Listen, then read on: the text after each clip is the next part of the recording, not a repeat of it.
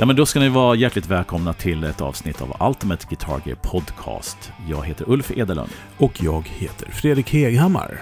Då vill vi passa på att eh, välkomna er tillbaka till, till oss efter denna lilla, vårt lilla uppehåll. Ja, vår men det, lilla tillbaka nere i Mm. kaninhålet, Ja, helt enkelt. ja, ni är hjärtligt välkomna tillbaka i alla fall efter sommaruppehållet. Och eh, idag ska vi ha, prata lite om lite olika saker. Eh, vi ska leka med tanken att vi bli- blivit av med all- alla våra grejer och ska då ersätta det med nya prylar. Helst då som har kommit under 23 va? Lite gitarrer, förstärkare, Ja, pedaler. precis. Vi sa väl det, att vi skulle liksom, är det någonting som vi har sett nu som har kommit i år som har inspirerat oss lite grann och sådär. Ja. Helt enkelt. Ja, liksom nya grejer och eh, inte helt lätt. Eh, och sen ska vi bege oss till eh, Fölster som snackar om Rickenbacker. Det ska bli kul att höra vad han tycker och tänker om det hela. Ja, och veckans pryl så har vi eh, ytterligare en eh, jägerpedal. Ja, Ja. Dykan. Ja, modulationsburk här. Så att eh, häng med helt enkelt. Yes. Ja du Fredrik. Ja, men tanken var ju Mm. lite grann här Mm. nu. Vi avslutade ju eh, säsongen med eh, ångestavsnittet. Om man ska lägga ner. Ja, först gas och sen det där liksom eh, icke-inspiration. så att- Ja, precis. Liksom. Precis. Upp och ner. Ja. Eh, men nu tänkte vi att vi kör igång hösten här. Eh, det är fortfarande sommar. Men Ja. vi kör igång eh, säsongen Mm. med eh, lite prylar helt enkelt. Lite så här... Ja, men tanken var att på ett kul sätt prata lite grann om nyheter. Ja. Alltså, och då sa vi att vi sätter ihop varsin rigg. Mm. Om vi... Vi ska inte vara så drastiskt. Ja, men låt säga att jag gav upp. Som Mm. jag sa i förra avsnittet. Ja. Jag sålde skiten. Ja. Och sen så hade jag semester. Och så kom jag tillbaka och... Och få Känn- panik. Nej, men känner Mm. inspiration igen. Ja, precis. Och då bara... Nu börjar vi clean slate. Vad ska vi köpa nu, idag? Eh, och... Eh, har inte tänkt så mycket på vad saker och ting kostar. Nej. Eh, utan Det mer finns- det vad fin- man vill ha. Ja, precis. Det finns ingen budgettänk här, utan bara så här att vi med liksom utifrån den förutsättningen vi har här, att liksom att, ja men, vad köper man för någonting som man vill ha? Och, eh, eller vill höver som det Men, ibland och så sa ja. vi också att vi, eh, för att inte halka ner gamla hjulspår, så Mm. helst så ska grejerna vara 23-22. Mm, Alltså från 2022-2023. ja. Och du säger att du har fuskat lite. Ja, jag, jag är nära, om man säger så. Men, Ja. men vad säger du om att eh, börja med eh, gitarrer? Mm, Eh, en eller två eller tre eh, Mm. som man har tagit. Ja. Eh, och sen så går vi över till eh, pedaler. mm. Vi kör signalkedjan här helt Ja, enkelt. okej. Och sen avslutar vi med förstärkare. Yeah. Ja. Vad känner du? Vill du börja eller ska jag börja eller vad vill du? Ja, Jag kan börja. Ja, Eh. vad har vi för gitarrer? Ja, och eh, det är det här som det, det, det jag tror det blir eh, 21, kan vara 22, jag, jag kommer inte ihåg riktigt. Men jag, om jag skulle då köpa, om jag skulle börja någonstans, och då, då skulle jag börja en ganska konstig ände därför att det här är något nytt för mig, men som jag har fått jättemycket inspiration över och det är därför jag börjar där. Ehm, det finns, jag börjar med en av dem. Mm. Det finns två som är snarlika och det är naturligtvis en Collins i35 LC Vintage. Ja, men den, den kvalar in tycker Ja. jag. Den är nämligen en, en, en, en ny take från Collins på sin traditionella ja, i35 då, som har funnits ganska många år. De kom här för något år sedan med en vintage-variant. Och det är inte bara en ny finish, utan de gick till verkligen igenom, de tog sina, och, och vad är det för gitarr? Jo, det är alltså deras, deras variant på en 335. Precis. Ska sägas, Ja. ni som inte känner till Collins. Så det är alltså en, den är lite mindre, den är lite, li, kroppen är Som är något mindre. 339. 39, precis. Den har lite mindre storlek, vilket gör den väldigt smidig, men den har samma grundtänk och samma konstruktion som en 335. Men det de gjorde med den här vintage-varianten är, för du har ju haft en vanlig i35, den Mm. svarta, som var en kanongitarr. Som sen blev Fölsters. Som sen blev Fölters och nu blev eh, Rydmans. Rydmans. Den, den går runt här i, i, i eh, Ja. kamratkretsen. Riktigt, riktigt bra. Ja, fantastisk gitarr, men som jag aldrig small, small av på. Och jag, jag sa ju då att ah, men det är nog för att en 335 det är inte min grej. Och sen så testade jag då eh, Christers tre, alltså i35 vintage och jag tyckte att det var ett helt annat instrument. Det är ju ett annat Ja. instrument. Det är bara Och- att och så- se likadant ut. Precis, och då läste jag lite grann på vad, vad har de gjort då? Ja, men de har gjort massa saker. De har liksom trät i halsen har de sågat på ett annat sätt. Det är inte quarterzone utan på ett annat sätt. De har mycket tunnare faner. Och det, alltså, det är många, många, många små grejer som till slut då landar ett instrument som jag upplever som mer brist på bättre ord, mer vintage. Alltså mer, mer livligare, mer akustiskt, mer Ja. Allt av det här som Absolut. jag vill ha. För jag kan tycka en, ett, ett halvakustiskt instrument ibland kan bli väldigt tråkigt. Det saknar den här chimen och övertonerna som jag vill ha. Men den här har faktiskt det. Så att jag Mm. tror jag skulle börja, och gärna då med ett Bixby. Så en i35 LC Vintage med Bixby. Vi såg ju en bild på en sån för inte så länge sedan, den här svarta va? Ja, fy fan vad Nej, det var inte en sån. Det var ju, det var ju deras 330-variant. Det kanske det var ja. Och de, Ja. Är, de ser, det är samma kroppsform Ja. och så. Men en svart sån, och den har, de har ju oftast lite aging, alternativt en blond. Mm. Det hade jag kunnat tänka mig att börja om med och antagligen vara hur nöjd som helst med. Ja, Ganska bra gitarr. ja det är en svinbra gitarr. Så att en eh, Collins i35 LC Vintage Mm. med Bixby. Där hade jag nog, där hade jag nog börjat och det hade jag, då, där hade jag kunnat ta Ja, du är inne på den där halvakustiska nu. Det är ja, men jag är inne kul. Mm. där just nu. Och, eh, men får man till en halvakustisk så har man mycket av det som man gillar från en Les Paul eller en SG fast med sin egen twist. Och får man då en gitarr som har hela övertoner och, och toppen så har man också även mycket av den kvaliteten som finns i en, jag ska inte säga att det är som en tele, men man har de kvaliteterna om man säger så. Mm. Så att där hade jag nog, eh, där hade jag börjat och Mm. varit väldigt nöjd med. Har du en till eller?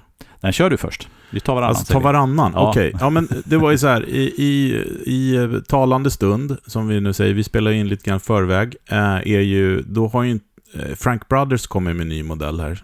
De har inte, vi har inte sett det, det De- ser lite äskig ut. Ja, alltså. de har sån här, liksom, de har fa- avfasningarna Ja. på sidan som ser lite så här mm. mm.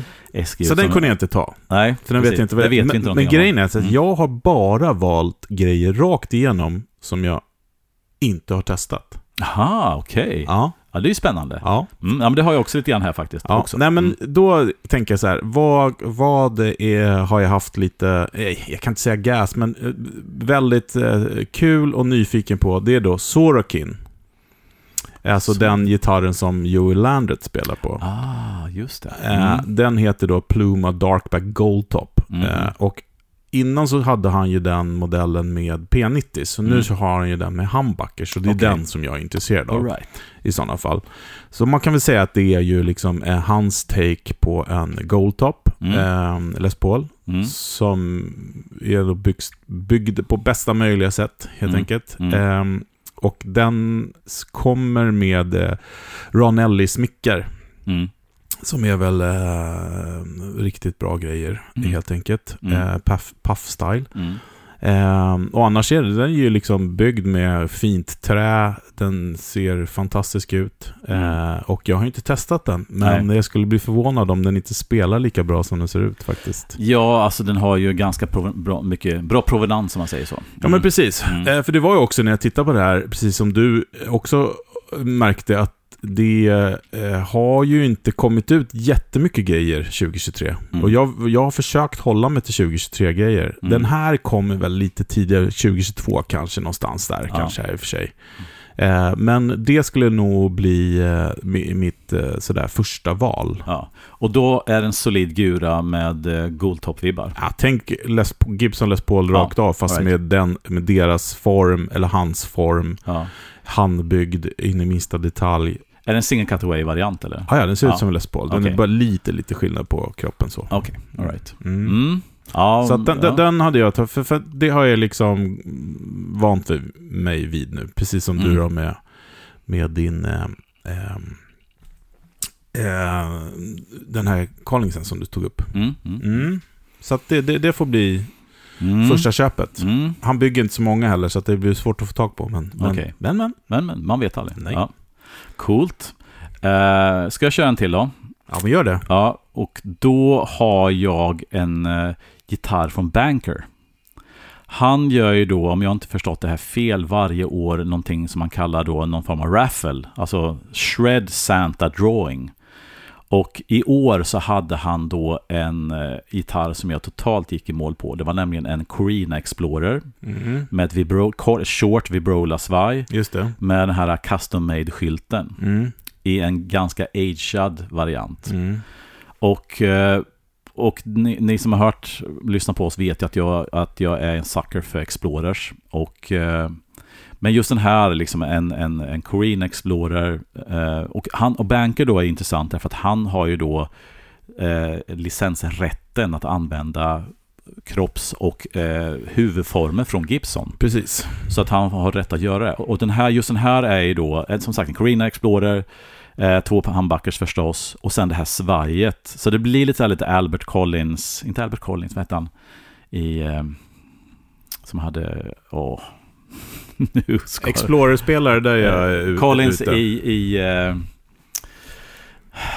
Linus Skinner? Ja, tack. Ja. Fan hette han? Han hette, Nej, han hette någonting Collins. Skitsamma. Han, ja. hade, han hade alltså en Explorer med då ett svaj på. Mm. Och den här gitarren då har jag inte testat, mm. precis som du inte har gjort med de andra.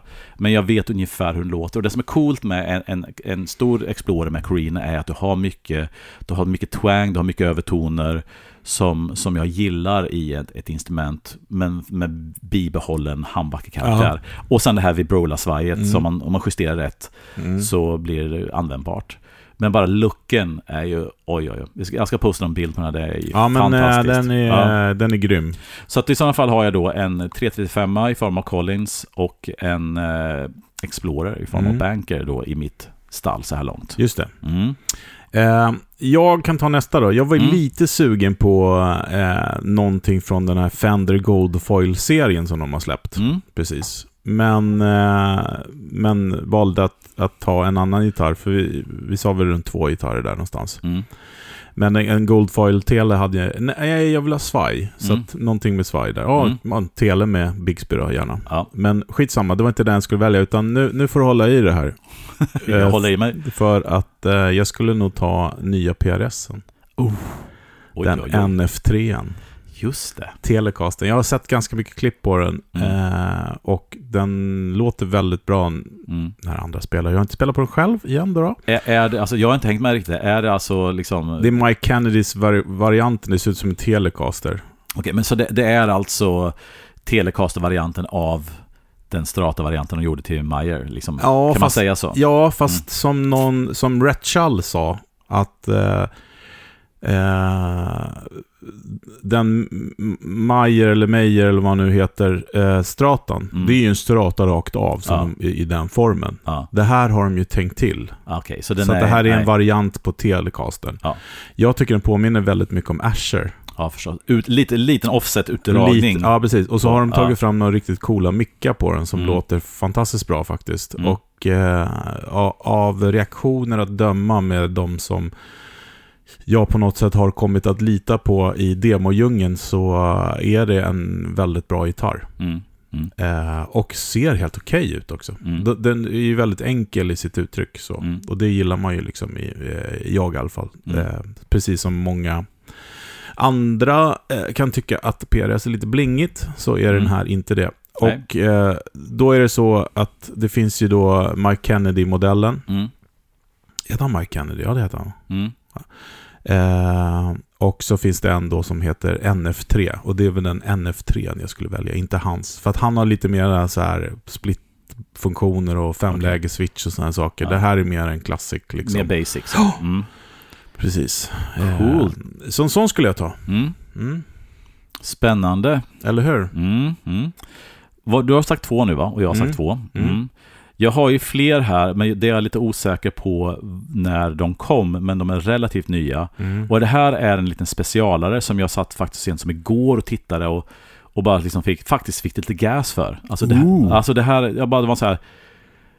Give it, give it to me. Ja, okej. Okay. Det är...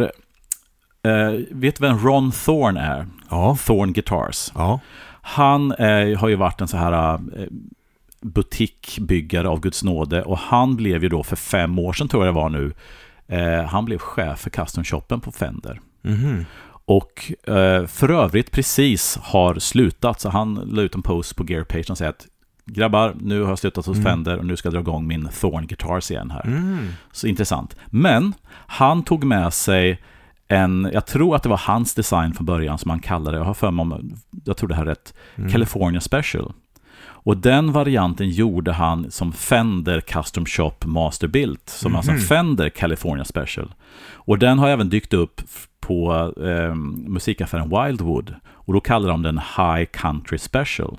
Men det som är gemensamt med den här designen är Ja. att du har det är som en strata fast utdraget. Det är alltså en design som tar stratan och sen drar ut den och kort- förkortar den på vissa sätt. Sen har den då, det som är speciellt med den är två saker kan man säga. Dels har du ett svaj som Ja. är ett litet offset-svaj och ett stall som är helt egendesignat. Och sen har du den andra grejen. Du har en halsmick som ser ut som en vanlig strata-mick, men sen har du två stycken single coil-mickar som sitter väldigt nära i halsposition, eller vad säger Mhm. stallpositionen. Mm. Det är inte en handbacker, men ser man det på lite avstånd ser det ut som en bred handbacker, men det är alltså två single coil som sitter Okej. ihop. Och det man då gör med det här är att man kopplar då, det ska man köra halsen i sig, och sen kan du köra halsen ihop med en av mickarna där nere. Men sen så har du två lägen där du kör de här två single coilerna antingen i parallellt eller seriellt, alltså det som Fölse snackar om. Så du kan få ett humbucker-sound med den, men du kan också få en, eh, två stycken som en humbucker parallellt. Mm. Och jag såg massa klipp då där, eh, eh, vad heter han? Han som brukar dema för Wildwood. Greg. Greg Koch. Han satt och spelade och jag tyckte dels, det är någonting med den här fulsnygga designen ihop med Jag tänkte framförallt säga det, ljud. låter som du har beskrivit en riktigt ful gitarr. Ja, jag tror, att, jag tror att både du och Föls, och och jag, jag tror att jag har tagit upp det någon gång eh, när den kom här för något år sedan eller två. Ja. eh, Och ni tyckte det var... Endast en mor kan älska. Ja, men jag har gått igång lite grann på den. För att dels är svajet är coolt och Mm. dels så hur den här mickkonfiguration man kan göra. Ändå en spelbar sak. Så alltså Fender California Special. Coolt. Mm, Mm. Jag hade en till också, men Ja, jag kör. bara lite kort så här, den, Ja. för den kom tidigare. mm. Men det är den här Fidelity Guitars, Stella Rossa heter den. Eh, en engelsk snubbe som bygger Mm. ascoola gitarrer eh, som... Eh, ja, men det, det är lite flört med eh, de här japanska 60-talsgitarrerna skulle jag vilja påstå. Mm, mm. Eh, med lite steam... Inte steampunk, men ja, Ja, jag förstår. Fidelity Guitars. Men den, Mm. den, den är faktiskt... Modellen har funnits ett tag. Okej. Så att det kvalar, inte- eh, jag kvalar inte in där. Nej. Men jag är ju väldigt sugen på att gå in på pedaler. Ja, Om, det, om, om vi kan göra det. absolut. Absolut. Eh, Ska du börja? ja, men jag tänkte att jag kör... Jag måste liksom få, få ihop sammanhanget här lite grann. Mm. Får se om vi... Vi har ju än så länge lyckats med att inte... Ja, men här, här tror jag att det blir en. Här blir det en dubblett. Mm. Kanske. Ja. Eh, Västerlund One. Oh. Den har inte du med? Nej, den har inte jag med. Nej, okej. Ja, men det är väl en, en Ja, eh, som den- jag har lågintensiv gas på. Bra, bra. Den hade jag, den Ja. hade jag kunnat ta med om jag hade kommit ihåg den. Mm. Vi har varit i kontakt med dem, men vi ligger långt ner på listan för att det går så bra nu. Så att eh, de hinner inte med. eh, De kontaktar oss när det börjar gå ut för. Precis, vi Mm. var lite sena på bollen där. Mm. Eh, nej men jag tänker mig att mitt, mitt grundsound då, då, måste jag avslöja starkare, men jag gör inte det förrän sen. Nej. Eh, Westerlund One är då en sån dubbelpedal Mm. med eh, drive och boost kan man väl säga. Mm. Eh, ljudklippen har överraskat väldigt mycket tycker jag eh, och man riktigt hör hur bra den låter. Mm. Eh, så den är jag sugen på. Mm. Jag är också väldigt sugen på... Eh, eh, ja, det blir, det blir lite Joe Landet-prylar här. Mm. Men eh, hans nya Dan Drive, som heter då Bonk Machine, Aha, right. som är en sonk då. Mm, mm, mm. Mm. Eh, helt enkelt. Den eller eh, R2R, som är då eh, R2 eh, R Electric, Mm. som bygger eh, fussar Mm. med finaste komponenter. Eh, de har en som heter Supermark 2 Professional version 2. Mm, mm, mm. Som eh, verkar vara en riktigt grym eh, fuss helt enkelt. Mm. Någon form av fuss där, Ja. utav de två. Ehm, och sen då, eh, om jag inte, beroende på vilken förstärkare jag väljer, eh, så kan den inte behövas den här. Men jag tar upp den ändå. Mm. Det, det skulle bli den här nya Harmonious Monk-pedalen. Aha, den tvåan eller vad är det? Tvåan, Ja. precis. Mm, Jag gillar ju ettan väldigt, väldigt mycket. Och Mm. tvåan är ju samma fast med mm, features som man kanske har saknat på ettan. Mm, mm. Eh, det är alltså ett harmonic tremolo och ett vanligt tremolo. Den nya versionen kan man rampa, till Mm. exempel, i hastighet. Med den gamla kunde man bara välja mellan två. Nu kan du rampa upp och rampa ner. Och, Mm. och lite sådana features. Eh, och sen så skulle jag sluta då min kedja, den skulle i och för sig sitta först. Mm. Med eh, då den här nya Boss SDE 3000 EVH Delay-pedalen. Oh, ah, just det. Mm. Mhm. Sen, som den du kan köra wet dry i Du sig. dual, Ja, precis, delay. Ja, Eh, den, ja, tycker jag låter väldigt cool. På. Jag har inte Mm. testat, som sagt Nej, nej, den, nej. den måste vi se till att vi får testa. ja. Eh, jag skulle nöja mig med vanliga varianten också, men Mm. varför inte när man kan... Det man ändå kan. Ja, Ja. den är inte så mycket dyrare, EVH-varianten. Nej. Nej, men så att eh, precis. Så Västerlund, en, en, fuss från Dandrive eller från R2R. Eh, eh, ja, en grej till. Ja, Vi behöver en boost. Alright. Ja, och då har jag tänkt eh, Origin Effects, den här M-EQ-driven. Mhm, okej. Alltså det är en EQ-pedal eh, från dem. Eh, de har ju den här spännande med, som är som en gammal outboard, eh, eh, vad den nu heter, eh, Boost. Mm. Men jag tyckte att den här M-EQ-driven eh, är väldigt spännande. Mm. Att kunna liksom finjustera lite grann och, och köra som boost. Alternativet är ju M-press, den här EQ-pedalen. Men Mm. ja, så det var, det var mitt lilla bord. Ja, okej. Coolt. Ja, alltså jag har faktiskt inte en enda dubblett. Ooh. Det var, jag, jag trodde att det skulle komma in här, men, men faktiskt inte. Eh, ja du, jag, jag har två spår här på, på Overdrive eh. Jag tyckte att Kernum Ridge var lite cool när vi testade den. Mm. Framförallt när man inte hamnar i de här, eh, eh, vad heter det, Tube Screamer-sounden. Men du hade den här ratten som jag inte kommer ihåg vad den hette, där du kunde, när den stod på någonstans klockan 1-2, då hade den ett sound som jag tyckte var jäkligt coolt. Som inte var Tube Screamer, som var lite hårigare. Och sen hade du de här tonkontrollerna, low pass och high pass-filterna som jag tyckte var jäkligt coola. Mm. Ja, men det är en bra pedal. Ja, den på ena sidan Mm. och sen har jag då ett kit på andra sidan. Mhm. Nu sa du massa pedaler som du inte hade och jag har ju svårt att säga pedaler som Ja, alltså Kernum är en som jag inte har, men sen Mm. har den andra sidan och då skulle jag antagligen ta den nya Huiman, den lilla Huiman som vi har. Okej, det är okej. Ja, och in i Nordland Anniversary-pedalen. Men det, det är lite tråkigt för att det är sånt som jag Ja. har. Men, men då skulle jag kunna få en fuss, jag får då en eh, treble booster i Huiman och sen så kör jag in den antingen i Ridge-varianten eller då i Nordland-pedalen. Mm. Eh, lite tråkigt kanske. Ja. Ja, precis.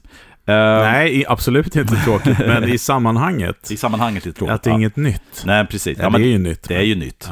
Det är väldigt nytt, fast det är inte nytt för oss på så Men skulle sätt. du inte kunna tänka dig att ta den här Apollo då istället för Nordland? Bara för att du måste ta något nytt.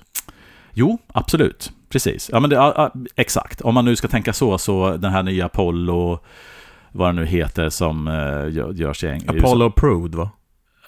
Heter det inte? ja, den heter någonting, jag kommer inte ihåg. Ja, vi återkommer med som en den. ODR-etta som uh, uh, Fort Thurston har gått i mål på. Som nu är helt omöjlig att få tag på. Ja, precis. Därför att eh, han har hypat Hypen. den. Ja. Ja. Nej, men den skulle jag mycket kunna tänka mig att testa istället för Nordland, bara för att Nordland vet jag, så det är lite roligare. Mm. Och sen skulle jag kunna tänka mig att testa någon annan fuss istället för Hyman. Men den har just, men den Kanske har... Kernum-fussen? Ja, faktiskt. Kernum-fussen. Jag har inte ja. testat den, men Mm. på pappret så låter det ju som en bra grej. Yes. Och eh, sen har jag egentligen ingen dediker, dedikerad modulationsburk på så sätt. Men, eh, men när det gäller delay, så jag trodde du skulle säga den här, men, men eh, du valde brorsan. Ja. Jag skulle då ha det här nya Delay Machine DM101. Mm. Den, som de säger är Bucket Brigade Delay, fast du kan ha vissa ljud i stereo och göra massa coola det grejer. sitter med den. väl åtta chip i den eller någonting? Precis. Jag, jag fattar inte riktigt hur de får till det om de ska göra allt då i analogt. Men jag tror de har ju säkert gjort det. Den är säkert den är digitalt styrd till att börja Är det inte bara 4-4 då? Jag vet inte, så kan det ju vara faktiskt. Att du har två delay-sidor För många på tänker på Discoveryn, där sitter det väl tre, fyra va? Tre Mm. eller fyra. Vet inte. Om men den har åtta då så borde det vara att den Ja. har helt enkelt två uppsättningar. För den har ju delay-tider uppåt en sekund. Och den har ju då vissa ljud där du kan dels ha ping-pong och Mm. dels ha fler huvudstudsar. Och hur de löser det med dig- alltså Mm. analoga Bucket Brigade chip, det vet jag inte. Så det, jag tror att det är någon form av hybridlösning. Mm. Men när jag lyssnar på den så låter den ju fantastiskt coolt. Jag tycker att den har, ja, den har, ett, den har ett modern-läge där Mm. man får det här som jag är ute efter, lite mera Mm. klarare studsar. Sen har du classic och vintage och massa varianter. Du Mm. kan få mer det här äh, luddiga DM2-stuket. Mm. Så. Ja, men jag Mm. var, den var ju helt klart på, på listan, men så Mm. tänkte jag så här, men vänta nu. Eh, Eh, och nu, är, nu kör jag analog delay på, på, på i min rigg. Mm. Men jag har nog den inställd så, så nära en eh, modern digital som det går, höll jag på att säga. Där ja. klarheten och sånt. Så därför tänkte jag så här, ja men den här andra är ju jävligt cool alltså. Ja, och den, den hade jag också med på listan, men jag, jag tänkte om jag, jag ska ha ett delay tänkte jag, då är den här DM101. Mm. Och när jag har lyssnat på den och kollat på features så tycker jag att det är nog liksom det bästa som, alltså jag, ty, jag tycker att Discoveryn var ascool. Mm. Och den hade då en display och den är egentligen snyggare. Men den här har ju då stereomöjligheter och fler andra saker du kan göra med den. Eh, så jag tror... Ja, den var väldigt lovande. Ja, precis. Jag tyckte den lät väldigt cool. Jag trodde hade- att någon, eh, jag jo, valde ju inte den med flit, men eh, Binson, Nej. Nej. Alltså jag tycker, jag, alltså grejen är så här. Vi, ska ju vi skulle egentligen ha fått den till idag och Ja, testat, precis, men testat. den är ute på lån fortfarande. men det Så- kommer inom kort. Precis, kanske till nästa avsnitt eller något, något av de här nästa avsnittet ska vi testa den. Eh, jag tycker det är ascoolt, men jag skulle, hade jag haft en studio och suttit hemma och spelat in så hade den varit perfekt att ha Jag, där. jag tänkte likadant, Mm. jag tänkte att jag skulle kunna ta med och ha det på ett pedalbord liksom. Ja. Jag tror att min lilla, den här uh, Bonar-delayet eh, gör, kanske inte riktigt lika bra, men den är- mycket smidigare och mindre. Om man skulle ha det soundet så tycker jag att den jag låter fattar. skitbra. Fattar. Så att, eh, ja men det var nog, jag, och sen har jag lite bubblare, alltså H90 kom ju här i vintras typ. Och en sån där som, Ja, den skulle man kunna, alltså jag vill nästan ta med den. men den att, har ju det. ja, jag vet, och det är lite tråkigt, men den, dels ska jag ha då alla de Ja. här coola modulationsgrejerna. Vi, jag ska, vi ska har. säga det, att det var ju ingen regel att vi inte kunde ha grejerna. Nej, eller men jag, jag automatiskt valde saker som jag inte har. Bara Ja, för ja, att jag ville precis. att det skulle vara liksom lite nyheter och sådana Ja, saker. och inte, och inte så tråkigt. Men, men jag, alltså, grejen är ju att eh, eh, H90 är svår att komma runt. Om man nu ska, om, såvida, om vi, alltså, vi sa ju att vi ska ha 3, 4, 5 pedaler. Och det H90 gör är ju med att du kan dela upp den, är att du har jättebra modulationsgrejer i den och du har fantastiska delay och reverb. Så att den som en sån do it all-variant. Ja, men grejen var, jag Mm. ska säga också att jag letade ganska hårt faktiskt efter någon form av multimodulationspedal som kom 2023 sådär. Mm. Eh, och det närmsta som jag kom, som jag liksom gillar, det jag har hört, är ju Jackson Audio, den här chorus tjofräsen. Ja. New Wave. Ja, men, men, men så tänkte jag först när jag tänkte så här, ja men att jag egentligen borde typ använda Neural DSP liksom Mm. som för effekter och sånt. Men så Mm. tänker jag så här, ja, nej men den är väl inte liksom, den är ju mer en helhetslösning sådär. Ja, inte, kanske inte den man köper för att bara köra effekter. Tänkte, ja men hel liksom, men den är för gammal. Mm. Så att, eh, jag, helst skulle jag väl ha haft någon H90, men jag tog Mm. ju inte H90 bara för att Nej. den är liksom, har vi redan pratat om. Ja. Eh, men annars hade det varit självklara valet. Ja, jag tog en genväg där helt enkelt. Eh, nej, men så att det är nog det. Att DM101 är, ju- ska vara skitkul att testa. Och sen så, alltså den här Apollo, ja, jag gör så, jag tar den istället för eh, Nordlanden, Ja. helt klart. Ehm, och de två, alltså jag skulle kunna klara mig bara på Apollo-pedalen och Boss Delayet och göra i princip, åtminstone i vårt band, Mm. allt man vill göra. Ja, ja, absolut. Ja. Eh, och sen så en liten, en liten bubblare är ju UAs Delverb också, får man inte glömma. Som har då Ah, just det. en kombination av de två första delay och reverb-pedalerna. Du har lite Mm. den bästa av pedal så. Om man nu vill ha en kombinationspedal som har både bra reverb och delay. Mm. Eh, och sen finns det ju massa andra saker som vi har ondgjort ö- över oss, liksom med, med eh, UA, med Ja. brist på presets och mid och allting sånt. Eh, men eh, den, om man skulle vilja ha ett, en pedal i slutet på kedjan som, som gör allt det här man vill på, med bra kvalitet så är den en sån variant, helt klart. De gjorde ju en äh, jäkla kupp, eller jag säga, i somras, UA. De sänkte ju priserna på alla de här pedalerna, jag Mm. tror mot, alltså mot återförsäljarna, Mm. till jättemycket. 20 procent? Ja, det var det som kom, alltså Ja. för, för konsumenten, men för Mm. återförsäljaren sänkte de det jättemycket tydligen. Jaha, okej. Jag kommer inte ihåg procentsatsen, men jag läste det någonstans. Att Mm. det, de gjorde en verkligen så här, då tänkte jag så här, ah, ska de sälja ut och göra något nytt eller? Men, men det var nog bara en, en, En sån grej. Jag vet att, det, att de brukar ha, UA brukar hela tiden ha drivar. Ja, det är, det är både Mm. schysst såklart, men det är Mm. inte så schysst heller mot, för det var ganska mycket ute till salu som kostade begagnat lika mycket som nya grejerna Mm. Ja. kostar. Det är ju alltid, eh, ja, det är inte helt lätt det där. Coolt. Ja, men jag tror inte jag hade någon mer pedal. Jag, så, Alltså det finns ju en, en Mm. uppsjö, men Mm. vi, vi skulle ju hålla oss liksom... eh, vi ska inte bygga liksom en 10 pedalsbord. Då sitter vi här i, tills imorgon. Exakt. Mm. Eh, och eh, som sagt var, jag har inte testat de här grejerna än, eh, men däremot så har jag liksom hört andra spelare som jag eh, har lärt mig hur det låter. Mm. Lite så. Nej, men det, förstärka, det tycker jag var svårare. Det, Det, här var jättesvårt. Mm. För att eh, det har inte kommit så mycket spännande grejer. Nej. Eh, Jo, det har det, men Mm. kanske inte för, för, för mig just. Men så här var det. Mm. Jag, jag kollade runt och så tänkte jag så här, ja, vad är det jag vill ha på pappret och såna här grejer. Och, och, som jag, och jag valde ju då inte som jag inte har Mm. Mm. också. Nu har jag ingenting som är helt nytt kanske. Nej, det har jag väl inte riktigt. Men alltså jag fastnar ju lite grann för, alltså det här får du också hålla i det. Nu har jag ju sagt eh, PRS en gång här, men Eh, otestat då, för jag hann inte göra Ja, det. ja, eh. Turok, Joe Landret-signaturen. Ja, det Eh, är ingen dum. Eh, uppenbart så är det en fantastisk förstärkare. Ja. Men det som jag gick igång på med den då, det var liksom så här, ja men den har reverb, Mm. den har harmonic tremolo och vanlig tremolo. Mm. Mm. Eh, och eh, ja, den har mycket kraft också om man vill ha det. Det behöver man ju inte. Men, men det, var- det var liksom en stark som kom under den här perioden som svarade på alla de här grejerna. Mm. Jag kollar lite grann på Morgan, men nej, jag, nej. Men, men, men den i alla fall Mm. eh, är med på listan. Mm. Men jag gillar ju att spela två förstärkare.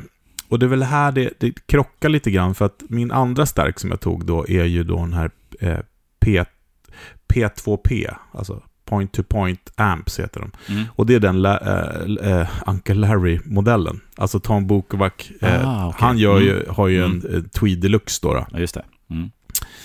Eh, så att det var därför jag sa om jag skulle ha den här eh, Harmonious Monk-pedalen. Mm. Mm. För att jag skulle kunna tänka mig två sådana istället. Ah, all right. Eh, som kanske är mera, eh, både pengamässigt men också eh, passar kanske bättre in på det jag gör än, än Landrat-förstärkaren. Mm. Antingen då en sån och Landrat, men det blir för mycket missmatch liksom. Det blir 15-20 watt och sen den där 100. Mm. Mm. Eh, men men vi säger att jag skulle ta eh, två sådana istället då. Två sådana PTP. Ja, då måste jag ha ett reverb också. Ja. Då får jag ta en sån, eh, vad ska jag ta för reverb då? då? Något som har kommit... Jo, nej, nej, för helvete. Nya Flinten tar jag ju då. Ah, okej. V2. Ah, okej. Den kom ju faktiskt den här perioden. All right. Ja. Mm. Ja. Eh, ja, men jag har en stark till. Shoot. För att det är så här, jag har inte riktigt valt här ändå. Då. Two-rocken var ju liksom så här, ja men det är Mm. coolt. Men det- är för mycket pengar och egentligen fel för mig, Mm. men ändå rätt. Mm. Eh, då är ju, har vi Benson kom ju med den här Ben Master. Mhm. Nu ska du säga att de ljudklippen jag hört på den här förstärkaren låter helt fruktansvärt dåligt. Aj då. Ja, Mm, Men det har ju också Benson-ljudklippen gjort förut. ja det, det finns ju en och inte, inte Nej, stämmer överens med hur den är. I verkligheten. Nej. Eh, så Mm. att, och det är ju då, det är ju liksom eh, Bandmaster 3, 310. Mm. Och det är ju Landret-grejen är också 310. Just det. Så att eh, två stycken sådana Bandmaster hade inte gjort någonting heller. Mhm. Men, eh, ja, du hör ju, det är lite spretigt här. Mm. Men om jag måste välja nu då? Mm. En förstärkare. Två. T- Okej, f- två. Okej. Mm. Jag vill ha två. Ja, Okej. men då blir det Du två. får två. Det Du blir får två sådana Ja. här eh, Tweed Deluxer från eh, point, eh, P2P Amps. Okej, Det får det bli. klockrent. Vanliga e, eh, FM E3 Ja. Ja. Fast eh, Uncle Larry approved. Yeah. Mm. Coolt. Ja, jag tyckte det var jättesvårt, men jag har ju egentligen bara ett val och det har att göra med eh, många saker som hänt sista tiden.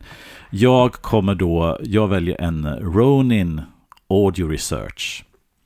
Ja, det var gissar jag att du Ja, skulle göra, så det är- är därför inte jag tog det. Ja, precis. RAR som heter, R-A-R heter de här. Och vad är det här? Jo, ni som har lyssnat igen vet ju att det finns ett företag i, på västkusten i USA som heter Ronin. Eh, Guitars. Så, Ronin Guitars. Som under en lång tid eh, gjorde gitarrer av Redwood. För att eh, John Reed som ägde företaget ihop med Issi då, sin kollega, de ägde mark där de hade då liksom, eh, där Redwood-stockar låg. Och sen så gjorde de då alltså gitarrer i Redwood, tusen år gammal Redwood. Och de hade sina foilbuckers som var väldigt coola. Foil. De, de var med och drog igång hela liksom, den här- Verkligen. den här. Och såg väldigt speciellt, alltså, den jag har, jag har en gitarr som heter Mirari, som ni kanske känner till, med två stycken sådana Det foilbuckers finns en på. veckans pryl på den. Ja, exakt. Om man vill höra mer om lyssna. Exakt. Eh, nu så, så såg jag att under radarn så börjar John Reed, han har varit borta fyra år och tagit hand om sin, jag tror sin sjuka mor eller någonting. Men nu har han eh, startat RAR, Ronin Audio Research, med en kompis och har börjat göra lite förstärkare. Han gjorde tio stycken eh, först här av en 15-wattare som eh, gick till Lance Keltner, den gick till eh, lite andra liksom, människor som han, han, tog kontakt med dem som hade då hans instrument. Enpetare och talrör. Ja, precis. Och det som är hela grejen här bygger på är att du har då en preamp med oktalrör och sen har du en single-ended slutsteg, så har du alltså ett parallell slutsteg. Och de här första tio var då sex eller sex tror jag som gav då 15 eller 20 watt i parallellt. Och de klippen jag har hört och hur den här låter, hur den agerar, tycker jag är helt... Det är, all, det är gammal teknologi, men det är ändå nyskapande och det är ett sound som... Det låter som, du kan få allt från en rent till nästan trainwreck-liknande dist på den. Och, ja, ja, jag lyssnade på en, eh, en sån här, eh, ja men Pete Thorne när han testade en gammal Liverpool. Mm. Um, det är de här, det är, det är verkligen uh, Trainwreck. Alltså mm. den här är en blandning mellan både alla de där Trainwreck-modellerna. Mm. Skulle jag vilja säga. Från det rena till det skitiga. Precis. Så han har gjort tio stycken av de här och sen så tog jag kontakt med honom och visade att alla var sålda och sen skulle inte han göra mer utan för att han hade då rör så det räckte till vissa.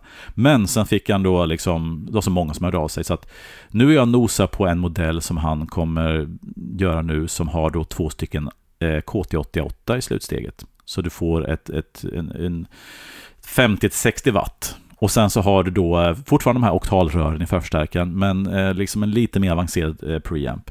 Eh, den har jag gasat på ordentligt. Den är ohemult dyr, till och med dyrare än Landreth-stärken. Oh ja. Men den, den, den slår an, den är nog det jag har haft mest gas på sista tiden och... Eh, Kvalar in på att den kommer 2023.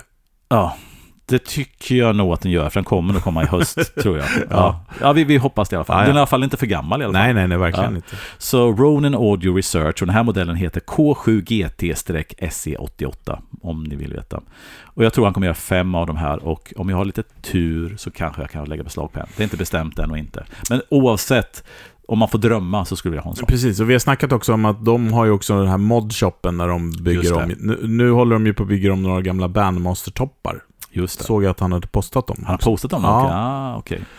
På Insta. Mm. Mm. Eh, bilder. Eh, så det är spännande. Ja, men den, ja, den visste jag att du skulle ta, så att, eh, mm. den höll jag mig borta från. Ja. Men annars så tycker jag liksom att det har varit lite magert med förstärkarreleaser 2023. Mm. Men det är lite grann så, hur många gånger kan man förpacka om en, om man nu snackar rörförstärkare, det som händer är ju, mm. det händer ju mycket på liksom digitala sidan, men om man kollar på den traditionella förstärkarsidan så är det inte jäkla mycket liksom. Nej, alltså jag tänker Turok var ju de som kom. De kom ju med den andra modellen också, den där, vad den nu heter, som var liksom lite mer som en eh, Fender-förstärkare. Mm. Eh, var den, ja, vi snackade om den. Inte Bloomfield då? Nej, nej, nej det var efter, det, ja. precis, den kom nu på NAM. Ja, just det. Eh, ja, vad hette den ja? Åh. Vi har med den hette på den NAM. Deluxe? Ja, något sånt. Nej, vi har den på ja. mm. NAM-avsnittet. Mm, mm. Och sen eh, Landret-signaturen såklart, ja. eh, som är en jädra cool, stark, eh, sådär. Väldigt kraftfull som sagt var. Men just det där med de där eh, reverben. Jag försökte hitta också, försökte hitta en separat eh, reverb-tank med tremolo, men det var ingen som kom ut Nej. 2023. och inte 22 heller. Eh, jag var också inne och tittade på Milkman, de hade inte kommit med någon ny modell sådär som jag mm. liksom... Eh, men eh, när jag hade gjort klart listan mm. så var det en grej, och jag tror att den är 2022. Kan mm. vara 2021 också. Men ja. det var den här Silk Tone, deras förstärkare. Den har jag ju det. testat. Den ja. fanns ju på 11, den har jag provat. Um, den var cool. Lite svag kanske. Mm. Men genomgående alla dina stärkare har ju antingen alltså pedalplattformar, möjligtvis som Landert, som har en overdrive-kanal, men inga high gain eller liksom crunch-stärkare på så sätt. Nej, det har ju blivit så. Ja. Uh, Atomatonen har helt enkelt den är mitt crunch. Ja, precis. Det är ditt crunch. det är mitt crunch. Ja. Uh, nej, den har ju... Och det gör ju att man kan tänka mycket eh, friare, så sagt var. Absolut. Absolut. Um, nej, men så gillar jag ju Magneton och Benson starkare väldigt mycket. Mm. Uh, de hade inte kommit med någonting nu, ja, förutom den där Bandmaster då, som jag mm. tror är cool. Jag menar, Fölster hade ju en sån uh, Bandmaster, var, ja, en sån 310 Det är mer jag kommer ihåg faktiskt. Jo, Ja, nej men den där ja. Victoria han Ja, hade, det. Mm. den lät ju hur bra som helst. Mm. Eh, så att mm, det borde inte låta så illa som de gör på de där klippen. Ja, vi, får, vi får testa den i verkliga livet. Liksom. ja. Ja. Det, där är, det där är svårt alltså. Mm. När man i dagens samhälle, när man, eller i, i den gitarrvärlden, när man är van vid så himla bra klipp, alltså, så dyker det upp eh, men jag vet ju också att Chris Benson som designar Benson-förstärkare, Mm. han liksom är ju lite alternativ. Mm. Eh, och gillar sån alternativ musik och lite punk, eh, lite Mm. indie och sånt. Möter country och sånt. Så att, eh, Mm. det är ju vissa gitarrister där som man tycker så här, det här låter för mig inte som någonting Nej, jag vill ha. nej, men sen så får man testa själv så bara, oh shit, Ja. pommes. Ja, vad- men grejerna, grejerna kan göra mycket, liksom, helt enkelt. Mm. Eh, ja men absolut. Eh, och sen så finns det ju... mm, Jag valde ju inte heller grejer som jag hade som sagt, men uh, Björkgitarren kom ju 2023. Ja, Tycker jag är väldigt ja. trevlig ja, faktiskt. Ja. Ja, vi har ju lokala, Sonnemo har ju sin den här eh, offset, men den var i och för sig tidigare kanske. Den, Mm. ja. Nordin har ju sin, sin eh, modell, Telecaster-modellen där, men den Mm. kom också tidigare, Ja, men inte precis. det här utförandet. Så Nej. det finns ju många sådana svenska också bra Mm. eh, modeller som har, Mm. eh, finns helt enkelt. Nej, men jag tror, alltså, med de här grejerna får vi ihop fantastiska riggar. Oh ja, oh ja. Så att, som är minst lika Mer bra. än vad man behöver. Ja, minst lika bra som något av det vi har redan. Ja, Eh, verkligen, verkligen. Ja. Eh, Ja, men coolt. Ska, du kan ju bara slänga ut till er som lyssnar också om ni, liksom, vad, vad är som har kommit under 23 som vi har missat som man skulle kunna ha som en del av sin rigg oavsett om det är gitarr, pedal eller förstärkare. Som ni skulle vilja slänga in som ett förslag. Så skriv i sociala medier. ja, Mm, det blir kul. ja, Gör er egen önskelista. yes. Mm. Så går vi till eh, vår vän Fölster. Ja, om han har återhämtat sig efter semestern, höll jag på att säga. Ja, men precis. Det kommit, märks. kommit på benen. Ja, precis. Han kommer här.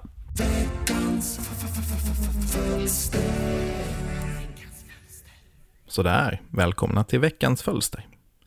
Efter lite sommarledighet så bränner vi av dunderämnet Rickenbacker tänkte jag. Rickenbacker ligger mig väldigt nära hjärtat och det finns så himla mycket att prata om detta unikum till företag att det borde bli ett helt avsnitt någon gång.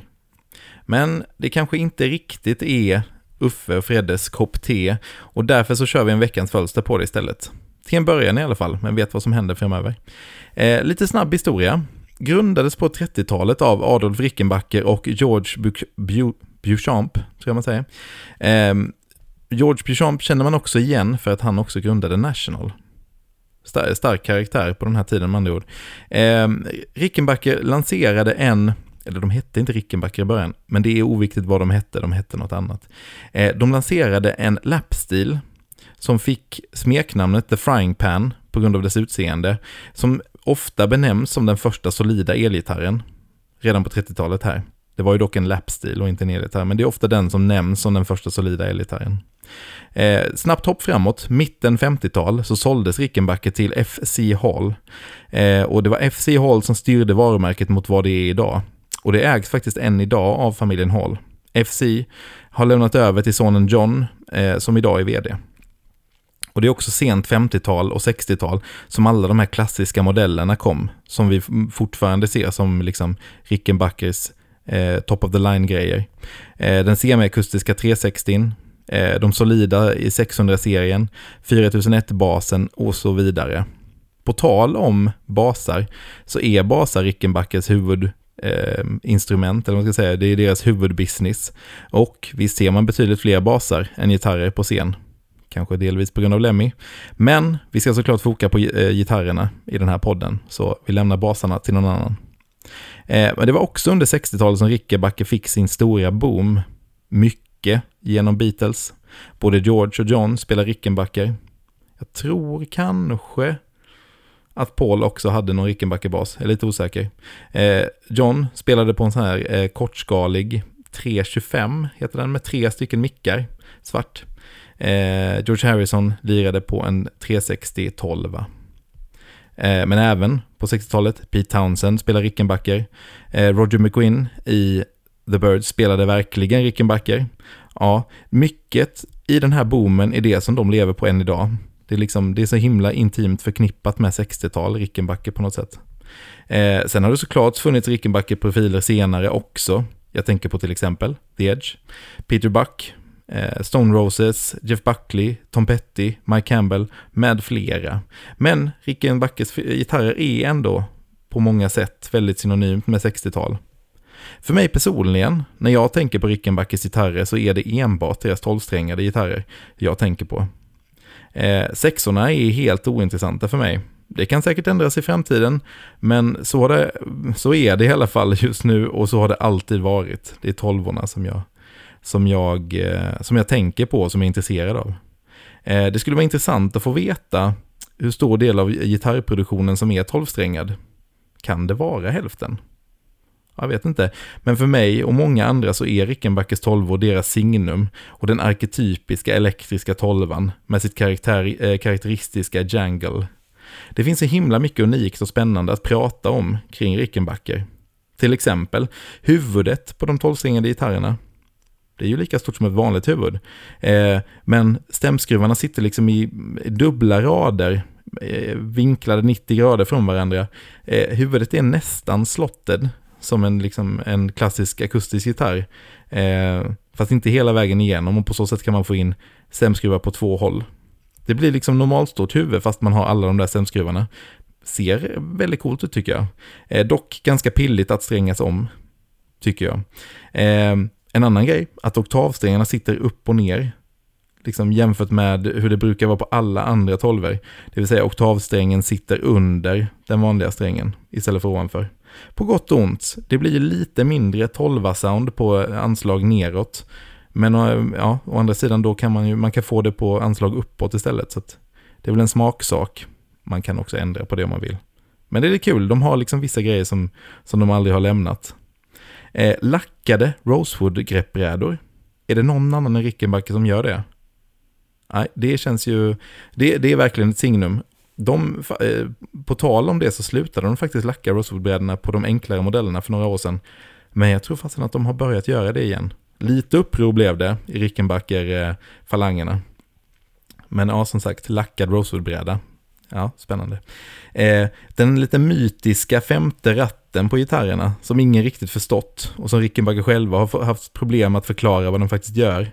Eh, men som man nu i modern tid kan läsa till är en finjustering för halsmickens volym när man är i mittläget. Och det är så jag alltid har upplevt och använt den också, eller mer som någon slags att blända in hur mycket av halsmicken man vill ha.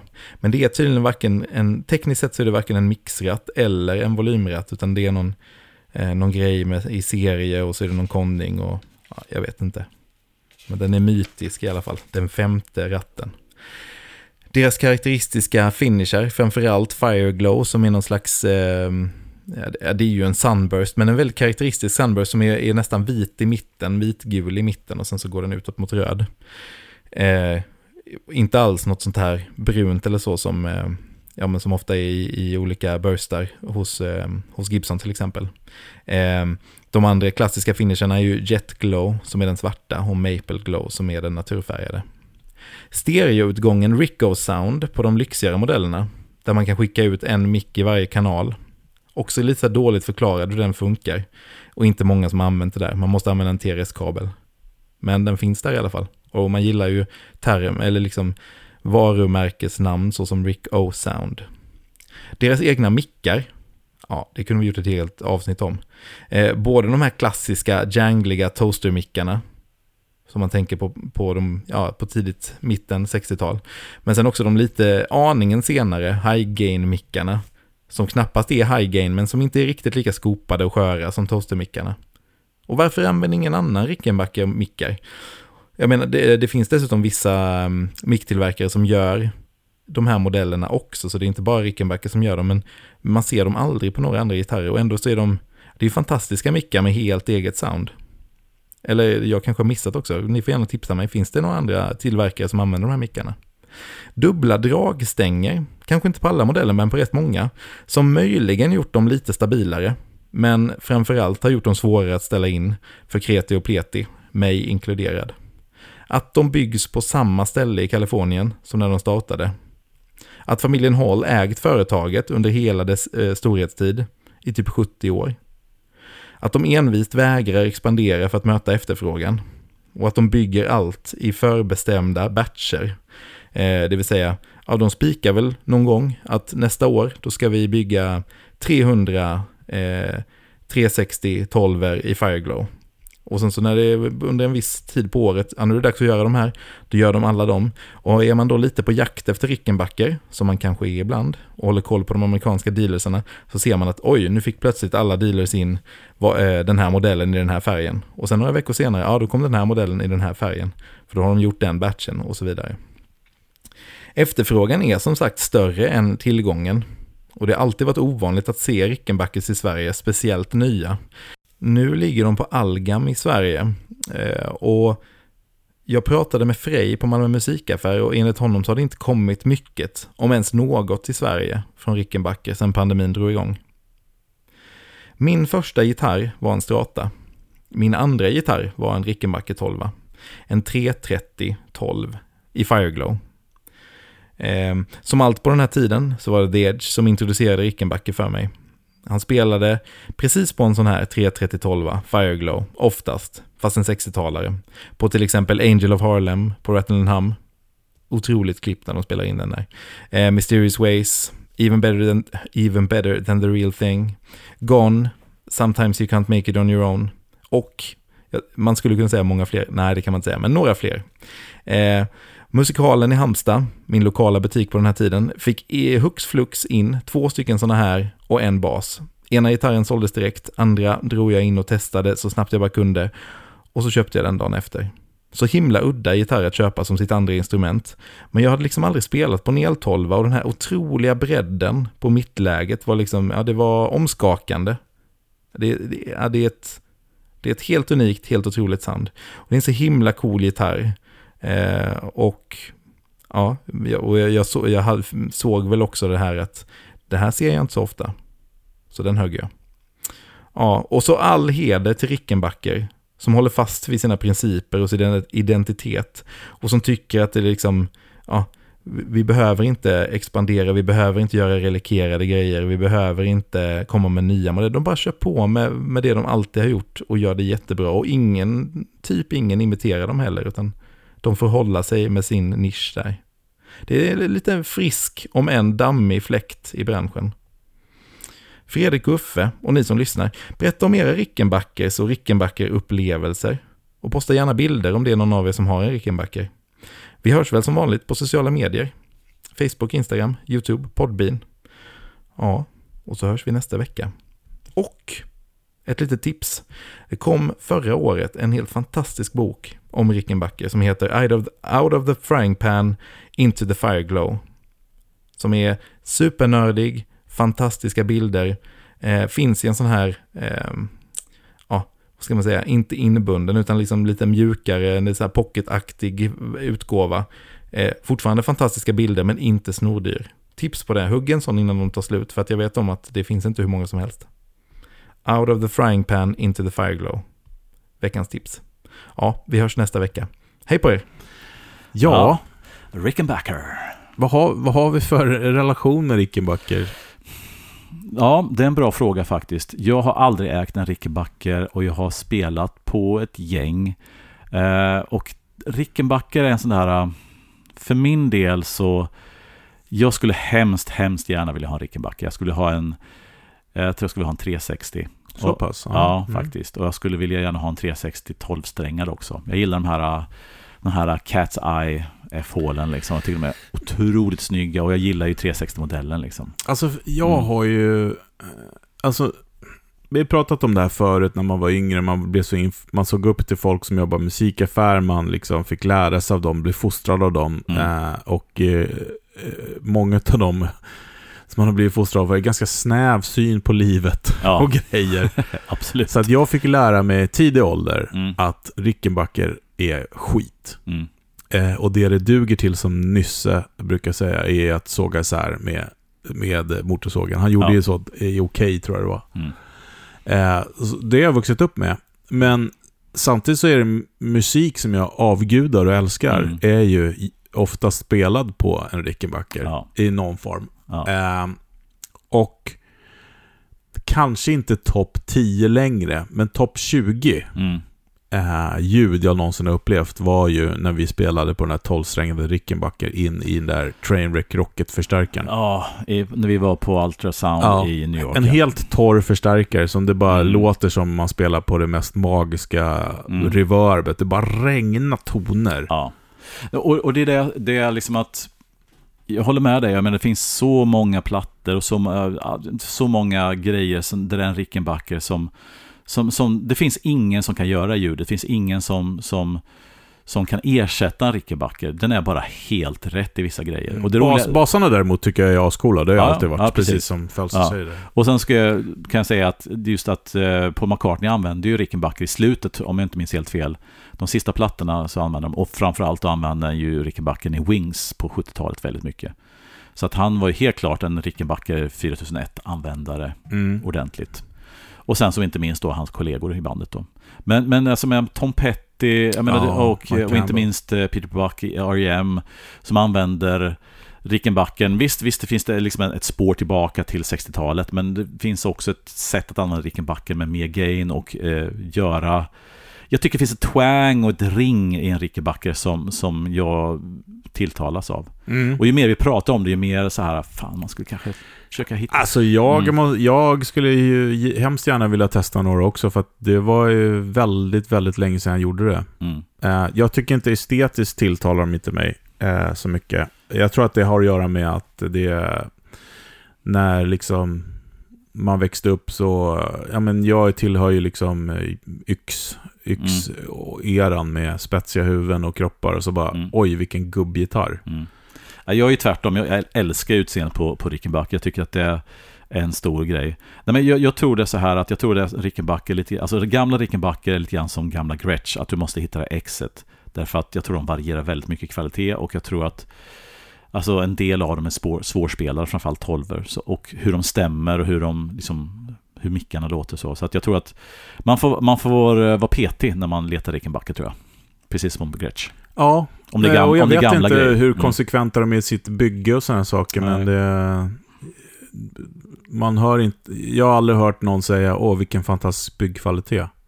Nej, och, och, och då kanske man också säger, vi, villigt erkänna att vi har ju inte umgåtts i de kretsarna, vad man ska se. Nej, liksom. nej, nej, men man har alltid hört att Mm. de som gillar dem gillar dem ju väldigt mycket, Ja. men då pratar de om ljudet. Ja. Jag har aldrig hört åh den är så skön att spela på. Nej, jag jag har tror- ju aldrig hört, aldrig hört Nej, någon säga. och jag tror att än en gång parallellen med Gretsch är ganska klockren, att, att det finns en personlighet och ett sound som folk älskar och sen så finns det eh, spelbarhet och kvalitet och sånt som är lite upp och ner faktiskt. Ja. Men, men jag skulle mycket väl kunna tänka mig att ge mig in lite grann i eh, Rickenbacker-träsket. Mm. både tolver och, och sexer och bara liksom, vad kan jag göra med det här ljudet? Liksom? Mm. Finns det någonting som jag kan, som inte bara är att jag använder den på, på sticket i en låt när jag spelar in, utan faktiskt kan använda dem lite mera som en, alltså rätt över. Eller är Ja. Rickenbacker gitarr Ja, men, som, man, eh, som, som, bara man, som man ska ha i garderoben när man håller på att spela in och sen lägger man, dubbar man ett, en refräng med en tolvsträngad. Eller finns det mer bakom det hela? Det var kul att höra er som lyssnar också vad ni har, tycker om detta. Ja, liksom. men jag, jag eh, här och nu lovar att jag ska testa Rickenbacker nästa Mm. gång jag ser den. Mm. För det är som Felser säger också, det är inte varje dag man trillar över dem. Gitarrmässorna har varit väldigt dåligt med Rickenbacker. Absolut. Eller så är det att man inte har tittat efter den, men jag tror inte att det har varit så mycket faktiskt. Nej, det, fin- det brukar finnas här och där, men det är inte... Det var några i Göteborg vet jag, för det gick jag och kollade på till, till Fölster, men Ja. det var fel modeller så han. Så jag testade dem inte själv. Ska vi helt enkelt lova varandra att nästa gång vi sätts framför en Rickenbacker ska vi inte låta blicken flyta åt sidan, utan vi testar och eh, pluggar in. Ja, Ja. Så att vi har, vi har ett projekt. Vi har ett Rickenbacker-projekt på gång. vad kul. Faktiskt. Och är det någon härlig lyssnare som har en eh, line-up som befinner sig i Stockholm-trakten, eh, hör gärna av er så eh, slipper vi kuska runt så mycket Ja, för att testa. För att eh, det kanske är någon som har en, en Rickenbacker-samling. Vem ja vet? eller som, som, som brinner för märket, som Ja. kan liksom utbilda oss både praktiskt och Mm. eh, teoretiskt. Mm. Mm. Kul. Ja, verkligen. Men, eh, ja, men ska vi gå vidare till veckans Vilken ironi om man blir så här Rickenback-lirare på gamla dagar. Ja, ja, men jag skulle mycket väl kunna tänka mig bli det. Mm, jag skulle jättegärna vilja ha deras förstärkare som eh, Jimmy Page har. Den där, Ja, den där liksom, vad ska man säga, kistformade ja. Rickenbacker-lådorna. Mm, De är mm. så jävla coola. Ja. ja, coolt. Mm. Mm. Men ehm, spännande. Mm. Eh, hör av er helt enkelt. Gör det. Gör Eh, det. så kör vi veckans pryl. Vi kör. Veckans pryl. Ja, veckans pryl här Fredrik. Det blir en liten följetong En från liten, ja, ja, Jäger. Jäger musikapparatur. Musikapparatur. Daniel Jägers första skapelse som, alltså modulationsskapelse i alla fall. Mm. Men hade vi gjort något drivar innan kanske. Och vi testade ju sist den här, vad hette den då? Thermonuclear heter den inte? Precis, Mm. driven med Mm. två lägen. Eh, och nu är vi inne på den modulationspedalen. Ja. Eh, och den här är väl hyfsat oidentifierbar vad det egentligen är. Alltså det är intressant för det finns ju två rattar och två switchar och eh, vi har väl kommit fram till att den ena ratten är då speed och den andra ratten är någon form av depth, alltså effektnivå. Och sen har vi då en switch som vi tror är då eh, våt signal, alltså så man får vibrato på vänstersidan Mm. och då höger så blandas det in eh, torr signal så man får lite mer koruseffekt. Mm. Och, det är en smal dykare, en fet Ja, dykare. och den smala dykaren tror vi är då den våta signalen och Ja. den tjocka dykaren är korusgrejen. Sen har vi en switch till som då eh, representeras av då en boj och ett ankare. ja.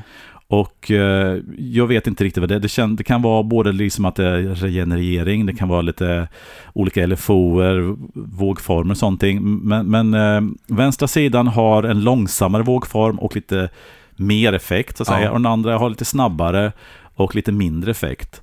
Eh, och sen så heter då inputen inhale och outputen exhale. Precis. Och Mm. den lilla förklaringen som finns till exempel på de ställen som säljer den, Mm. så står det att man kan gå från lush chorus till craziness. Ja, och det kan man verkligen. och eh, sen är det tydligen så att chippet i, jag tror det är ett digitalt chip som är då... Det kommer, är det. Ja, som kommer från en karaokemaskin, eller alltså används i karaokemaskiner. Precis. Und, nu killgissar jag, men undrar om inte det är samma sån här klassiska delay-chip som används också i den här eh, Echo, eh, den här Soundtank, Ibanez Soundtank Echo-pedalen Mm, som kan det vara. man snackar om. Ja, Eh, men precis, vad hette den? 3390 eller någonting sånt där. mm. Eh, mm. Men i vilket fall som helst så har vi, nu är vi tillbaka i vår Universal Audio 65. Yes! Så nu är vi tillbaka i, eh, och vi har då naturligtvis vår gamla klassiska tysk-tele. Och tipset igen då, glöm ingenting utanför EU, för då får man betala tull och moms på ens egna grejer. Just det, om man varit och giggat i Norge och glömmer grejerna så... Mm. Mm. Lesson learned. Mm. Och hur låter grundljudet då? Det låter så här.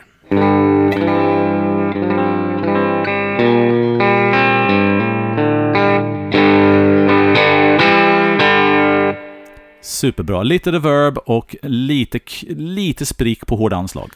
Precis.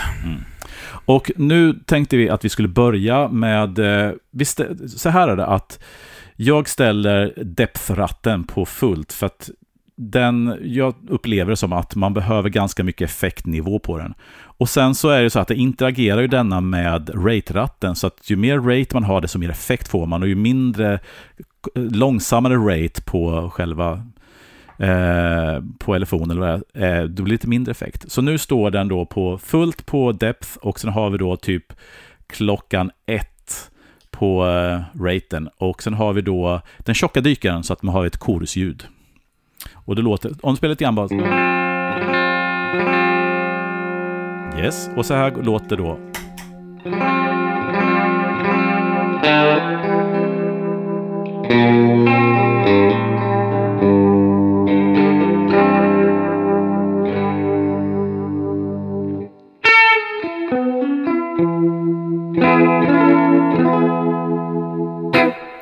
Jättesnyggt, jättekult korus. Och sen om man då drar upp raten lite grann så får man då både snabbare rate men också mer effekt. Ska du dra upp det medan jag spelar då kanske? Ja, det gör det. Ja. Precis.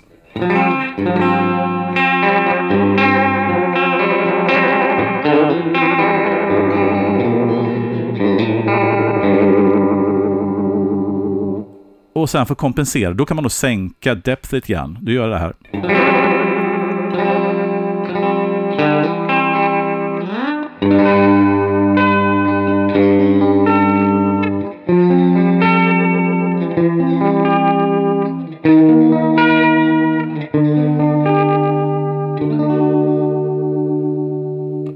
Det ni hör, det, det, det som är intressant med den här pedalen är att de här två kontrollerna interagerar jättemycket. Så ni hör ju att lite grann av det här chorusgrejen försvann och er, ersattes lite av en lite mer vibra, alltså tremolokänsla nästan. Ja, precis. Mm. Uh, ja. Åt, vi, mer åt eh, vibratorhållet tycker jag upplevs. Ja. Eh, men ja, precis. Mm. Och eh, om man då drar switchen från den tjocka dykaren som då ger det här korusliknande till då den smala dykaren så att man, som, som vi upplever som att man tar bort den eh, torra signalen. Vi kör tjocka först då, ett, ett ackord. Och så slår vi om.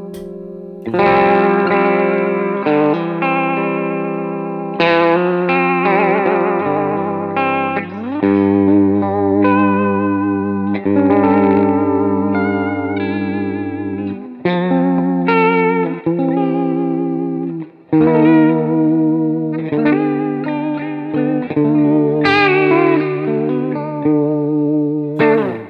men visst.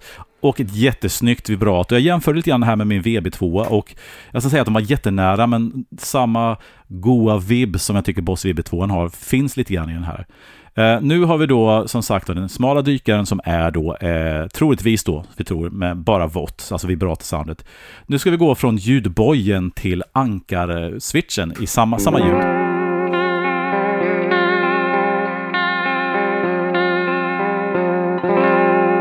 Det blev lite mindre effekt och snabbare rate.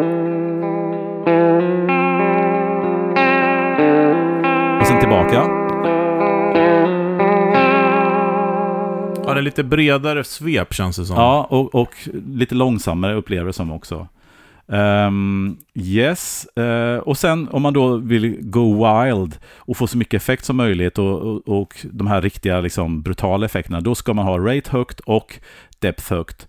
Och då kan vi börja gå tillbaka till någon form av chorusnivå. Och, och nu har jag då eh, depth på fullt och sen har jag rate på typ eh, klockan tre. Kvart över helt enkelt.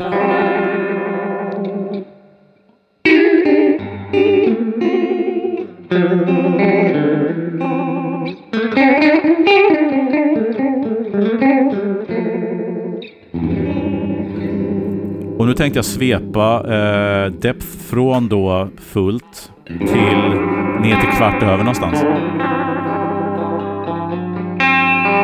Om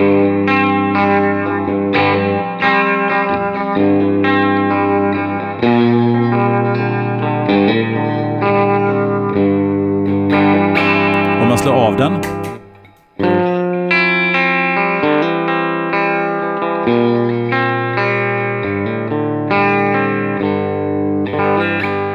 Det som är coolt med den här pedalen är ju att när man håller på med den igång så, så tappar man till slut, det hörs inget, man stänger av den så upptäcker man oj, den gör ändå en hel del. Ja men verkligen.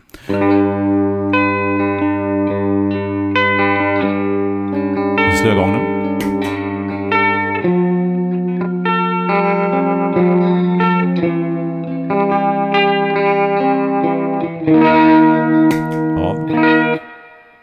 och sen på igen. Så att den, den har massa, massa coola sweet spots. Eh, det enda som jag skulle ibland kunna önska är att, att man kan behålla effektnivån när man sänker hastigheten. Så man kan ha ett väldigt fett vibrato eller chorus fast med långsam rate. Ja, men just det. Ja. ja. Men, men raten och depthen hänger ihop lite grann. Så att sänker man raten så tappar man också lite grann effektnivå. Även om man har då effekt, alltså depthen på fullt. Eh, men den har massvis med coola sound liksom, och vi har bara berört en del av dem här. Ja, men jag gillar ju också det här subtila som det liksom rör sig lite grann när man, mm. Eh, så som vi hade lite grann nu på slutet, man nästan kan ställa ner lite till till och med att det mm. liksom, det bara rör sig lite grann. Speciellt om man kanske, eh, som jag som har vått i ena, Ja. Då blir det lite chorus då om man liksom kör den här på uh, icke-chorusläget så att ja. säga. Och grejen är ju så här liksom att, att det är det som är coolt med den, att det är först när man stänger av den som man upptäcker oj, den tillförde ganska mycket. Men vi kan gå tillbaka, vill du ha till vibratorläget? kan vi göra. Av först. På.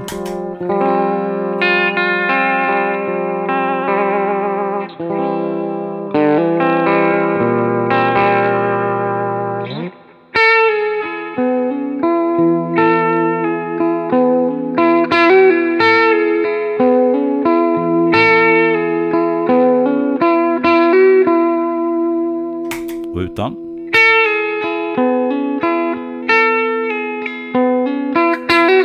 Med.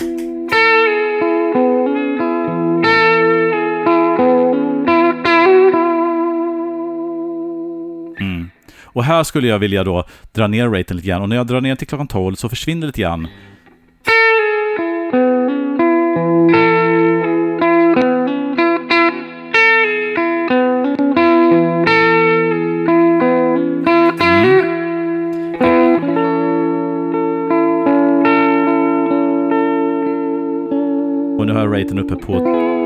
2-3 någonstans. Och då... Snyggt. Ja, men cool, väldigt cool pedal. Eh, som man måste sätta sig ner och eh, låta det ta lite tid att experimentera med. Faktiskt. Verkligen, verkligen. Men jag tycker att man kan hitta mycket coola, både vibrato och chorusljud och snudd på eh, tremolo-grejer också. Mm. Så eh, Jäger musikapparatur Thermocline. Thermocline. Yeah. Kolla in den, eh, så hörs vi nä nästa vecka. Vi gör det. Ja. Mm. Ha det fint. Hej då! Hej då!